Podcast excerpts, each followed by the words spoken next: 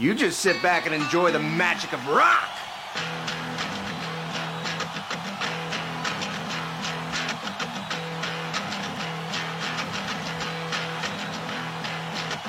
Barpool, en abaden live, war large piquet fer.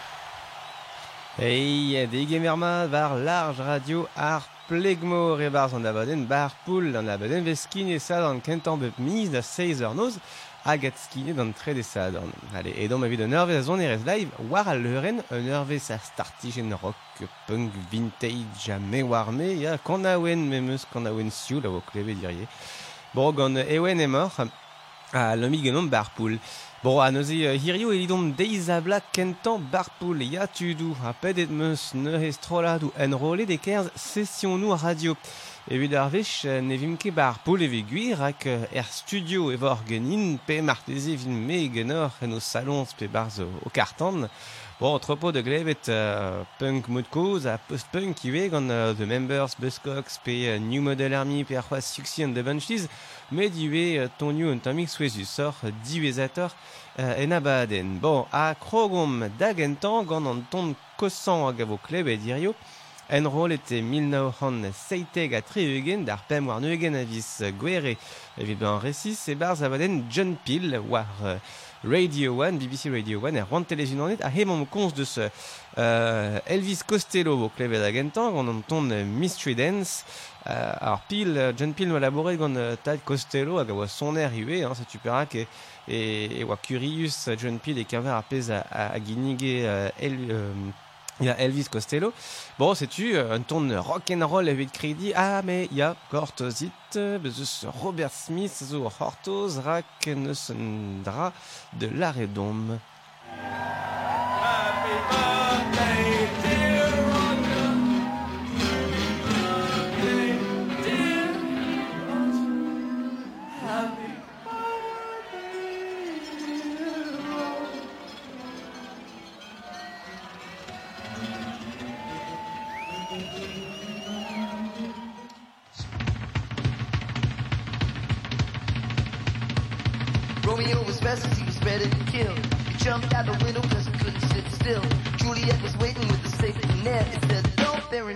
Not dead yet. Why don't you tell me about the mystery dance? Oh, I wanna know about the mystery dance. Why don't you show me cause I tried and I tried and I still miss the fight. I do it anymore and I'm not satisfied. Well, I remember when the lights went out and I was trying to make it look like it was never in doubt. She thought that I knew and I thought that she knew. So both of us were willing, but we didn't know how to do it. Why don't you tell me about the mystery dance? Oh, I wanna know about the mystery dance. Why don't you anymore and I'm not satisfied.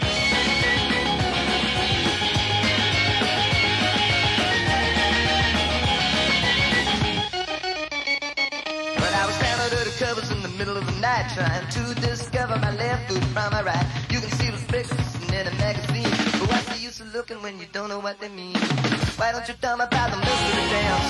I wanna know about the mystery dance Why don't you show me cause I tried and I tried and I still miss the can't do it anymore and I'm not satisfied I can't do it anymore and I'm not satisfied I can't do it anymore and I'm not satisfied I can't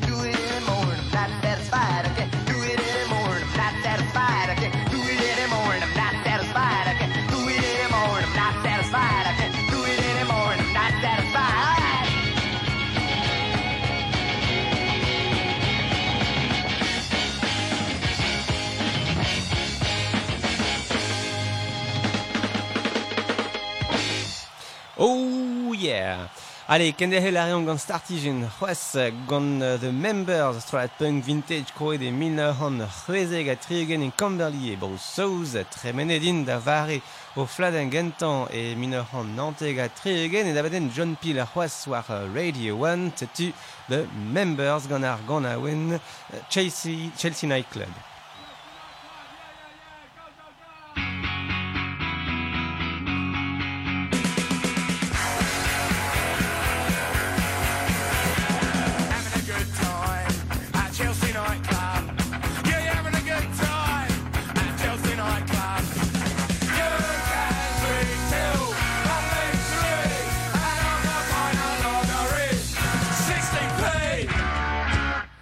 Chelsea not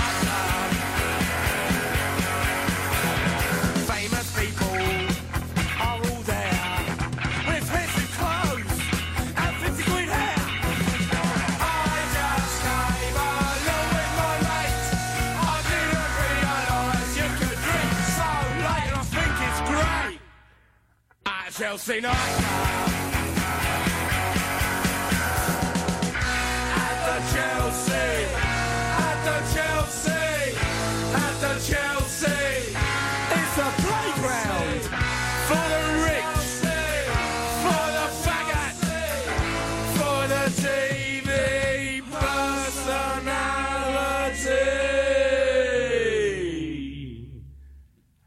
Chelsea night.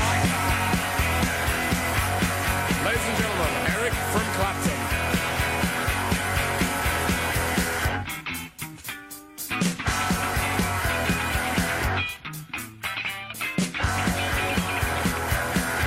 Sheer brilliance.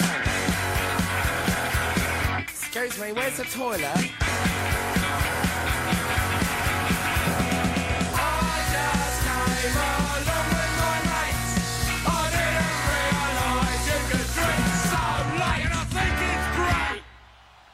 At Chelsea Nightclub. Bar poule, war large, piquet fer.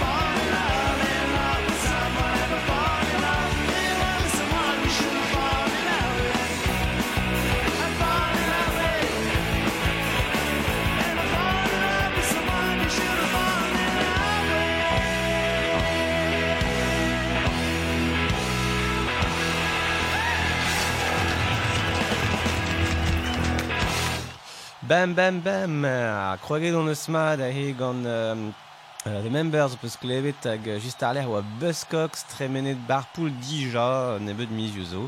Uh, da vare o femvet pladen Trade Test Transmissions e, e oan tremenet iwe war Radio 1 en abaden Jackie Brambles. Uh, a rok ma zafe hi da vevan ar stadou unanet a he oa enrolet dan daou a viz meurs min ur hand trizeg a peb ar ugen me distroom d'ar blavechou peb ar ugen gant Fuzzbox ur, uh, ur strolad mehede uh, an ogur ar strolad zo uh, We've got a, fuzz, a Fuzzbox and we're gonna use it. Ya, yeah, tom hier Uh, e min ur an c'hwer a peb bet enrolet evit abaden John Peel c'hoaz o hit Rules and Regulations bar poul war large.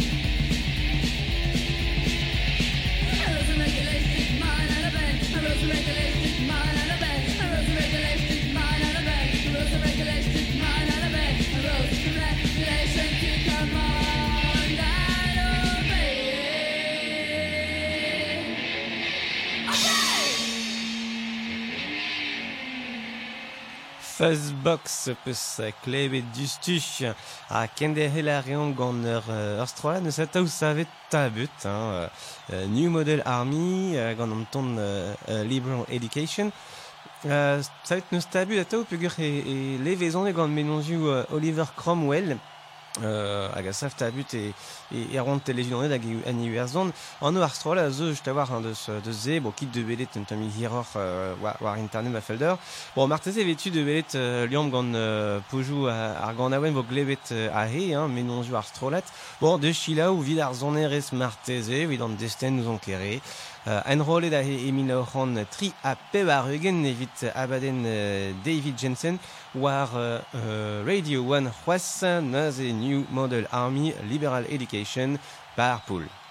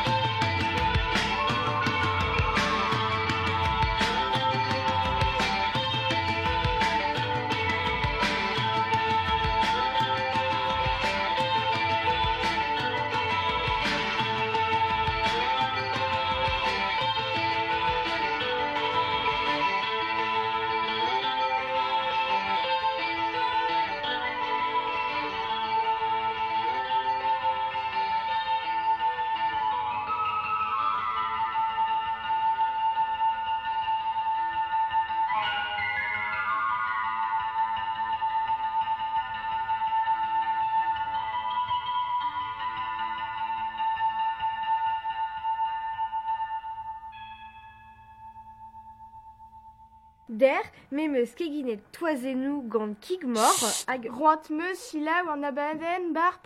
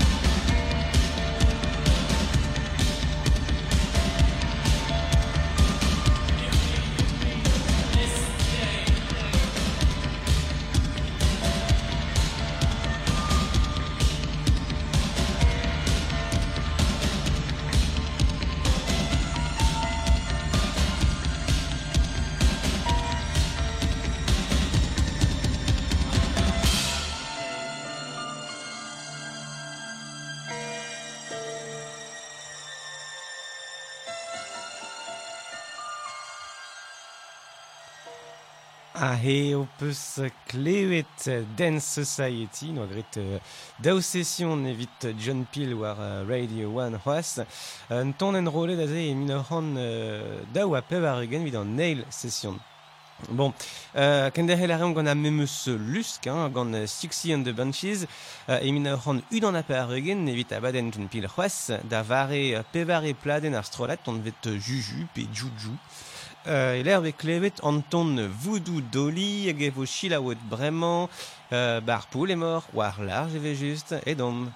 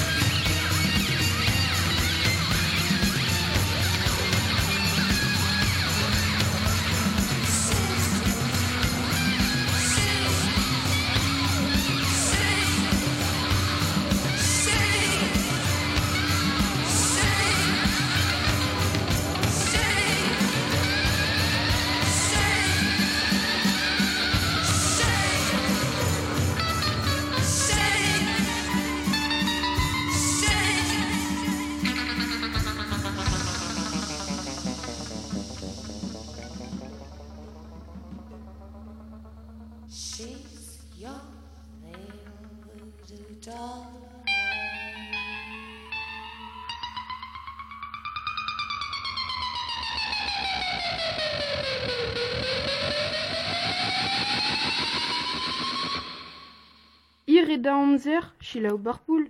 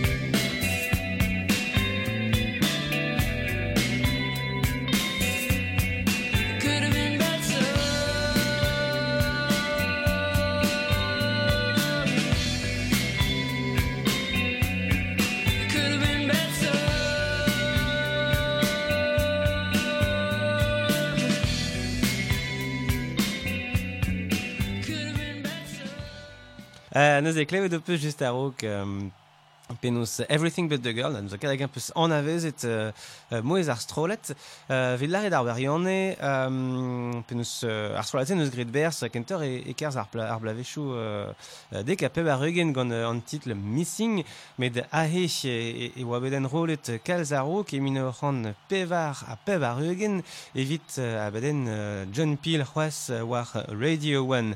Alors, petra o klevet bremañ, ba klevet evo de Jesus and Mary Chain, Um, zo deud d'ave an brudet uh, endro, hein, fellaret a drugaret da Sofia Coppola, bar ar film uh, Lost in Translation ve klevet ar ganaouen, hag ar strolad zo bekrouet emin o hon tri a pev ar ugin, Jesus and Mary Chain en rolet evit uh, John Peel c'hoaz emin o han pem a pev ar ugin gant ar ganaouen Just Like Honey.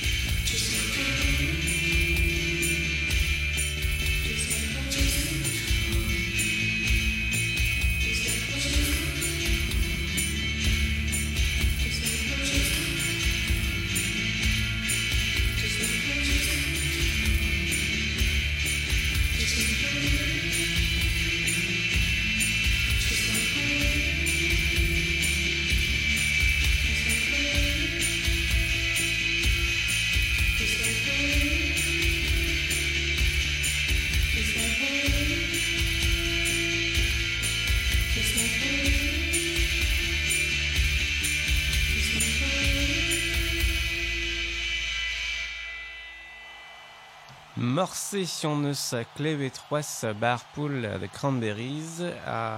Nous esson peus e oa edan an aon euh, ar ganer- ar ganerez euh, dolorez hor yarden war lene war a zeblant da heul ur gwalzarvout en izal dour fin neus ket kalz bon trist eve just Euh, a he oa ben en rolet BBC e min ur an pevarzeg a pevar ar dafodil lament ruizo bar genin euh, war large pique fer pem war podcast et dans de cranberries evit daffodil lament en rolet e min ur an pevarzeg a pevar.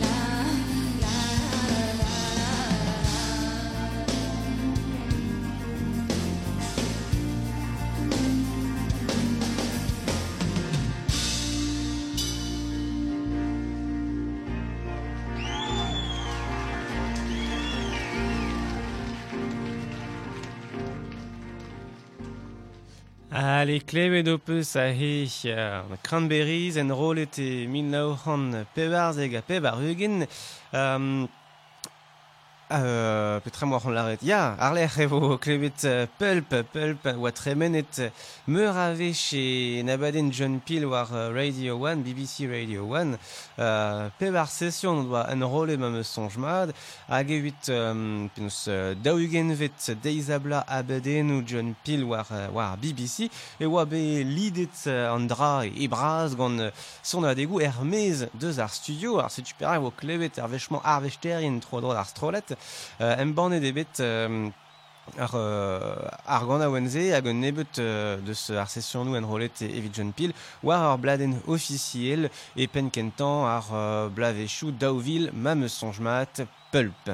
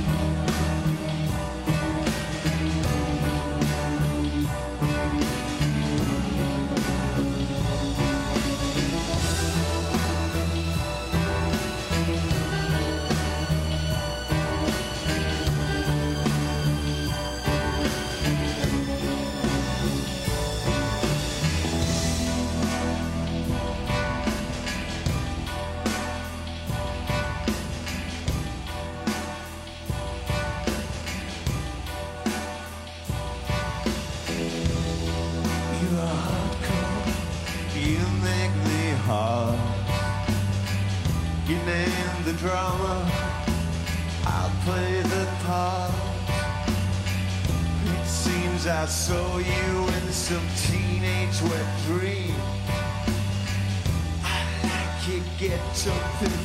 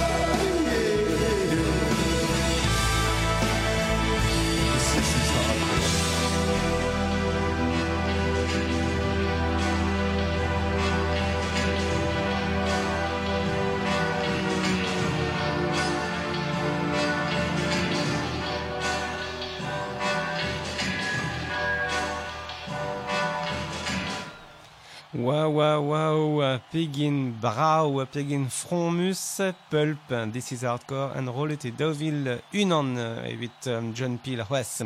Bon, a petra vef e son ur radio, e radio e pentom acoustique. Bon, nous on ket na pegoulz na peler oa benen roll et ar pez vo klavet bremañ de todiz ur strolat uh, ar vro d'exas, o kanan un, uh, un, un ton klasel, hein, uh, en roll dija gant Screaming Jay Hawkins, pel pel zo Uh, the Toadies, I put a spell on you.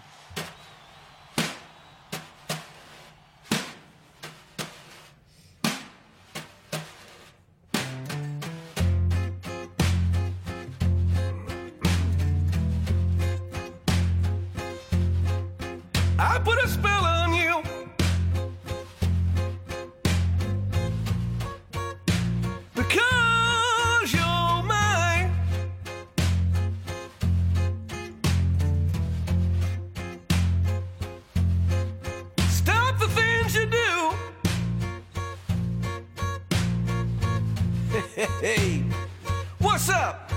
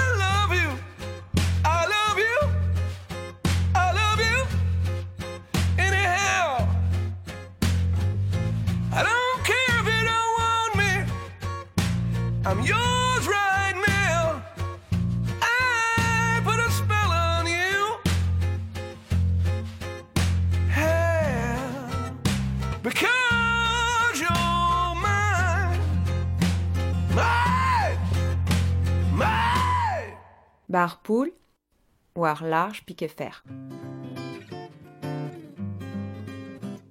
Dans les le papé ni la pauvreté. Ça passe le temps, ça tient tranquille. Ceux qui n'ont plus rien à becter. Et puis le très Saint-Père a dit faut faire des gosses, même ses repos. Ils iront vite au paradis. De toute façon, ici, y a pas de boulot.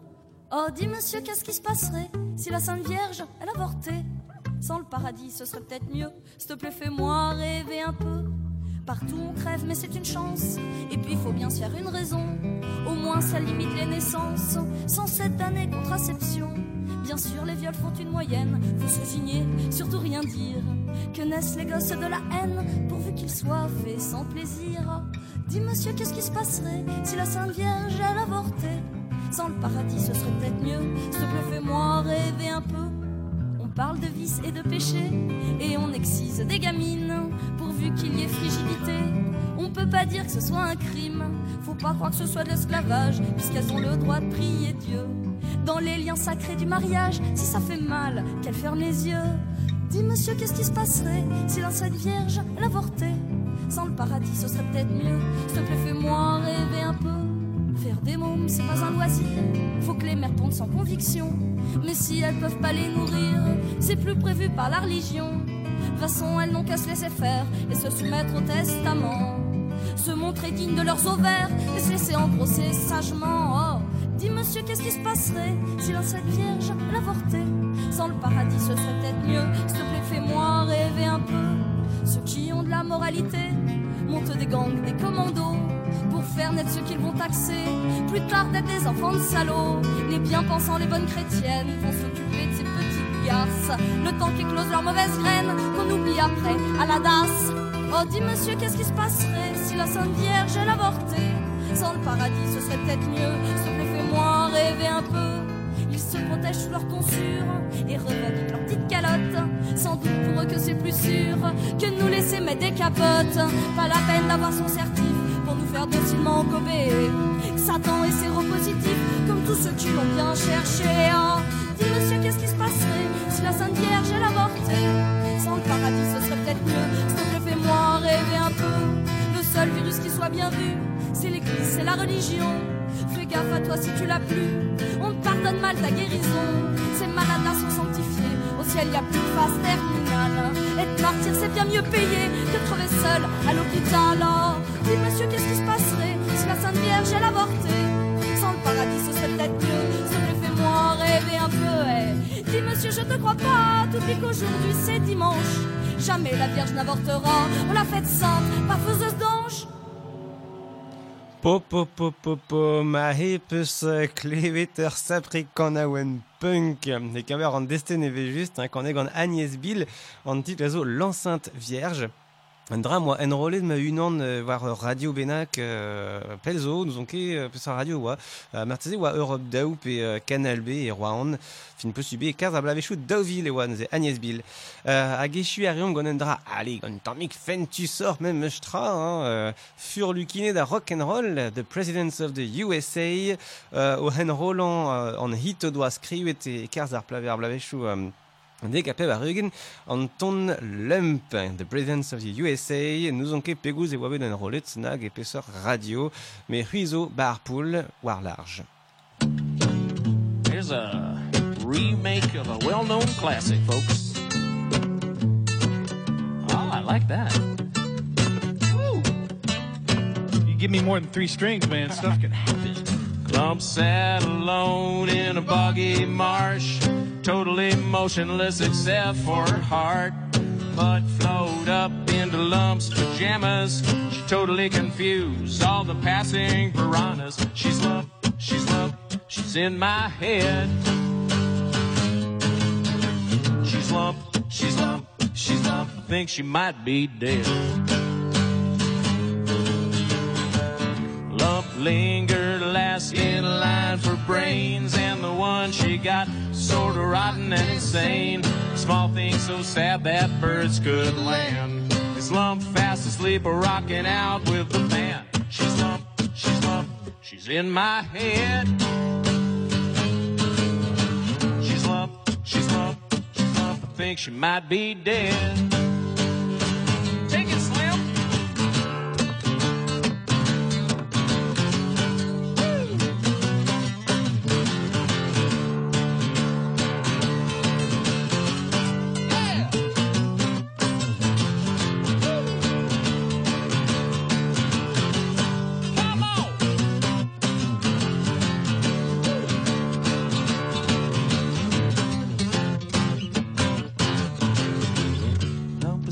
and lonely, needed a shove. Bump, slipped on a kiss and tumbled into love. She spent her twenties between the sheets, life limped along at subsonic speeds. She's lost, she's lost, she's in.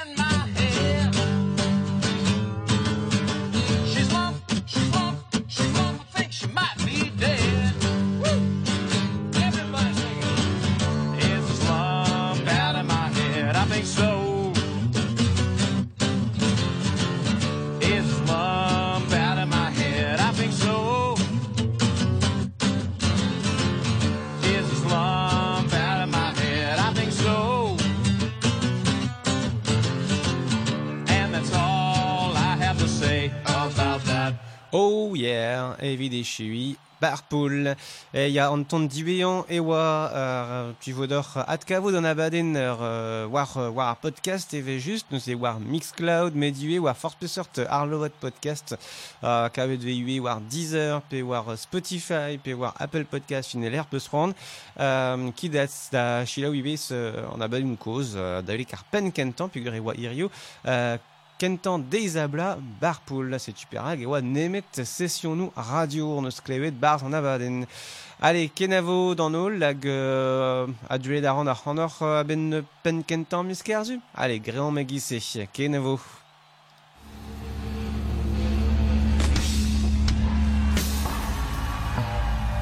It's just a shame you missed out on rock and roll. It's over. It's over. I mean, you got here just in time for the death rattle. Last gasp. Last grope.